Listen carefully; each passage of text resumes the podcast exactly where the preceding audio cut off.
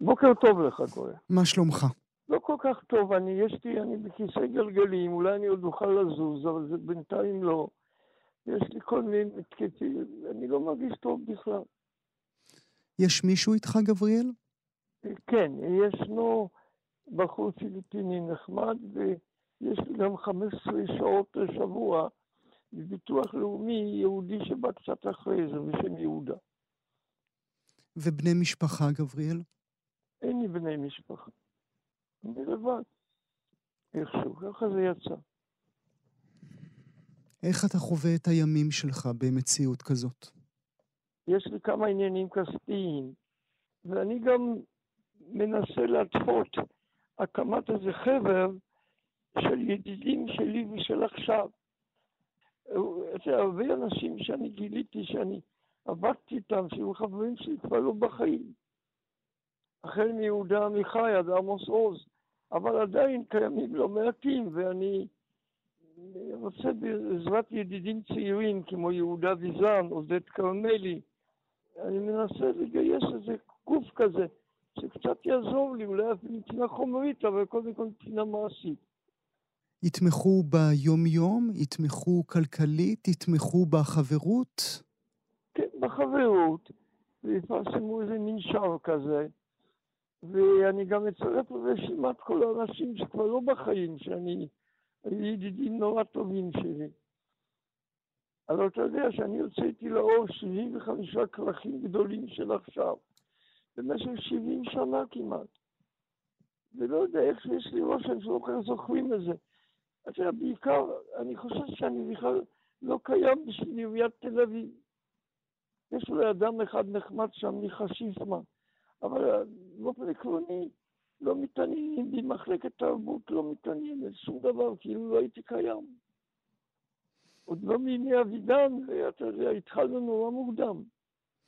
כמובן, מבין כל השמות שהזכרת, צריך להזכיר את אה, וולך ואת ויזלטיר ואת בז'רנו. האם דמיינת אחרי אה, שבעה עשורים של, של פעילות מרכזית בתרבות הישראלית שיגיע הרגע שתהיה לבד? לא. למען האמת לא כל כך, כי פשוט חליתי, כל עוד הייתי יכול ללכת, להתרוצץ. אולי פה ושם לגייס כספים, רק שלאחרונה מאוד נחלשתי. אתה מרגיש שזנחו אותך, גבריאל? כן. אבל לא מצד ידידים צעירים. יש כמה ידידים, תראה, שאני מאוד מקורב, שהם מקורבים אליי ואני מקורב אליהם. אתה חושב על החברים שכבר אינם, על עמיחי ועל עוז ורבים אחרים? בוודאי. וזך ואבידן ויונה וולר ויאיר הורוביץ ורבים אחרים. אני מאוד מעט הוצאתי את ספריהם הראשונים בדרך כלל, כמעט ראשונים. גייסתי כספים, רצתי, בשעה טוב. ואני בא, בא בעצם כילד מפולין. אתה עלית לישראל ב-1946. בדיוק. וכמובן... ולדודה שלי, שבדירה שלהם, שעכשיו רוצים לפנות אותי ממנה, אני יושב. בוא נאמר מילה ברשותך כדי להסביר למאזינות והמאזינים שלנו אה, אה, עד אה, לאיזה דרגה הדבר הגיע. מה זה אומר שרוצים לפנות אותך מן הדירה שלך? תביעת פינוי, כי אני אגיד לך למה. יש לי כסף לשלם בדחוף של שנת, של כמה חודשים בשנה, חולה, כדי קיימת. אבל צריכים להחזיר לי כסף ממס שבח. יש לי אישור מזה שישה שבועות ממס שבח, שאין שום עיכול, שצריכים להחזיר לי את הכסף. המס שבח שבת במשך כל החגים, ועכשיו אני צריך בעזרת ידידים לחדש קשר איתם, לגייס את הכסף. פשוט רוצים לפנות אותי. עד כמה זה אקטואלי? האם יש, דר... האם יש תאריך לאותו פינוי ממנו אתה חושש? עוד אין, אבל זה על הסף. זה נמצא על הסף כבר. מצאתי עורך דין מתנדב בשם עורך דין גיא דנה שעוזר לי, הוא בכלל הציל אותי, וכמה ידידים גם. זה כן. האם, אה, זה, האם זה אומר משהו, אה, גבריאל, על התרבות הישראלית ששכחו את גבריאל מוקד? תראה, יש כאן בעיה חמורה מאוד, לדעתי.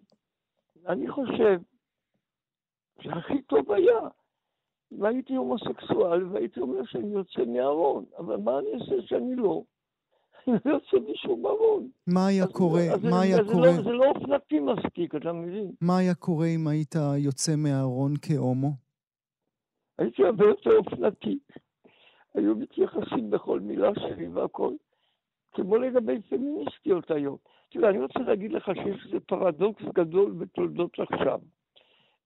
אני בעצם הייתי אדם ראשון בארץ שפרסם סיפורת, וגם שירה, אבל סיפורת הומוסקסואלית. אבל לא מכיוון שאני העליתי על נס רק את הנושא, אלא אני חשבתי שזו הייתה שירה מצוינת, שביטאה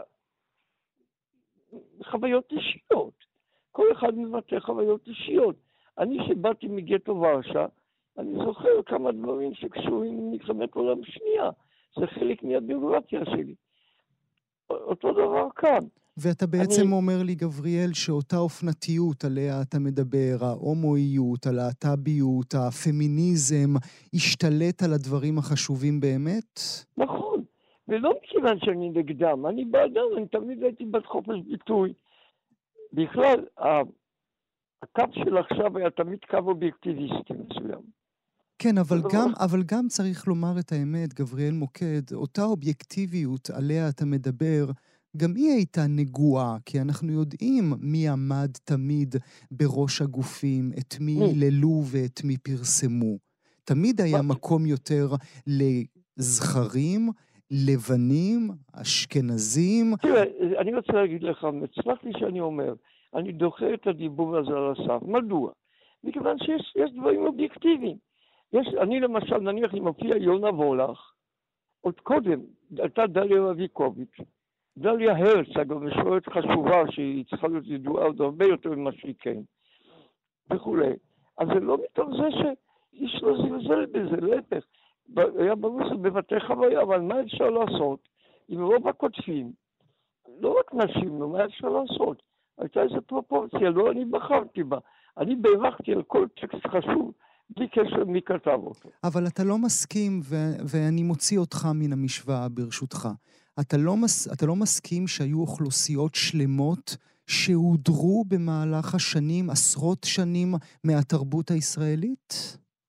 לא, כי לא, אני, אני לא אני על כל פנים, תראה, אני מעולם לא פסלתי שום דמות נשית כי היא נשית, להפך, אני טיפחתי אותה. הרבה פעמים טענו שאני מטפח ידידות אישיות שלי, אבל גם זה היה לא נכון. אני, תראה, אם אני, אם אני הייתי בקשר חזק עם דליה רביקוביץ', ואחרי זה עם דליה הרץ, ואחרי זה עם יונה וולך, ואחרי זה עם מאיה בז'רנו, ואחרי זה עם עוד דמויות נוספות חשובות. היו, יש עוד דמויות יפות שכותבות. רחל חלפי, אילנה יופה. אה, אני אף פעם לא, לא חשתי שאני מדיר מישהו. אני התייחסתי לטקסטים חזקים שישנם, אבל לא אמרתי שאם יש מישהי שכותבת, נגיד על הנושא הלסבי, אז רק בגלל הנושא הלסבי היא במרכז. שאלה איך היא כותבת על הנושא הלסבי. זו שאלה מעניינת.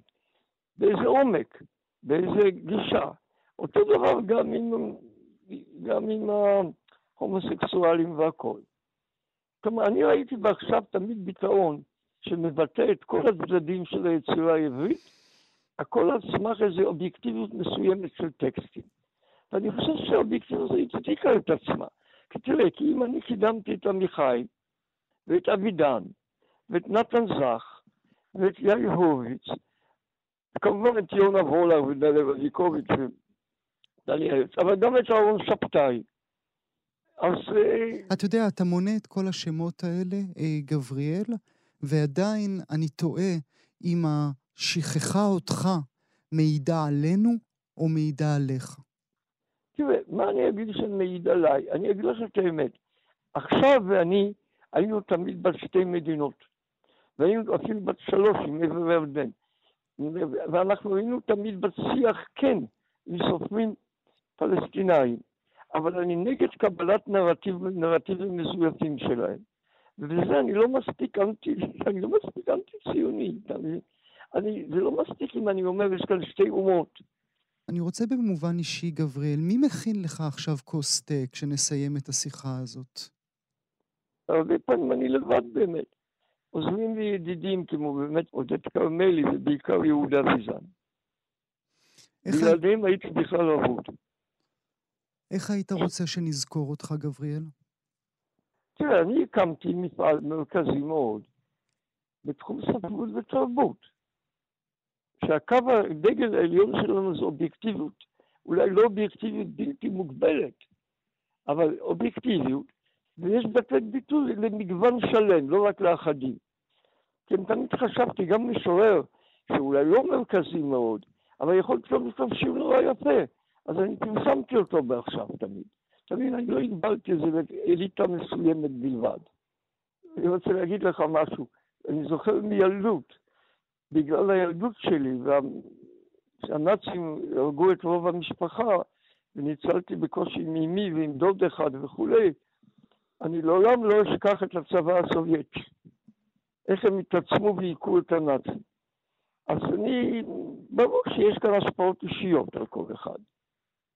ואיך הגעתי ארצה לדוד ולדודה שלי, קלטו אותי יפה ונכנסתי כאן לבית ספר עממי. אתה יודע שאני זוכר זמן, אני גר בשדרות בן גוריון בתל אביב, מול קיוסק. אני זוכר זמן ששם עמד טנק בריטי כשהייתי בן 12, כי רק באתי ארצה. היית מאמין? טנק בריטי, ממש מול הבית. כן. אני, אני, אני רוצה לסיים את השיחה הזו ברשותך, אני צריך לסיים את השיחה הזו ברשותך, גבריאל מוקד, ואני אשאל אותך שאלה אחת לסיום. מה, מה, מה אפשר לעשות כדי שמצבך עכשיו, בגיל 88, יהיה טוב יותר? תראה, אני קודם כל נאבק על צד בריאותי שאני אוכל לעשות תהליכות, אבל מבחינה ממשית מה שצריך לעשות, זה אם יעזרו לי, זה להקים מין חבר ידידים של כתב העת עכשיו ושלי, ושאולי יגייס גם קצת כסף, אבל בסופו של דבר יעמוד לצידי, שידעו שאני, לא, שאני קיים. אני רוצה מאוד להודות לך על השיחה הזו, בריאות טובה מאיתנו. תודה שהיית איתנו הבוקר. תודה לך, כל טוב.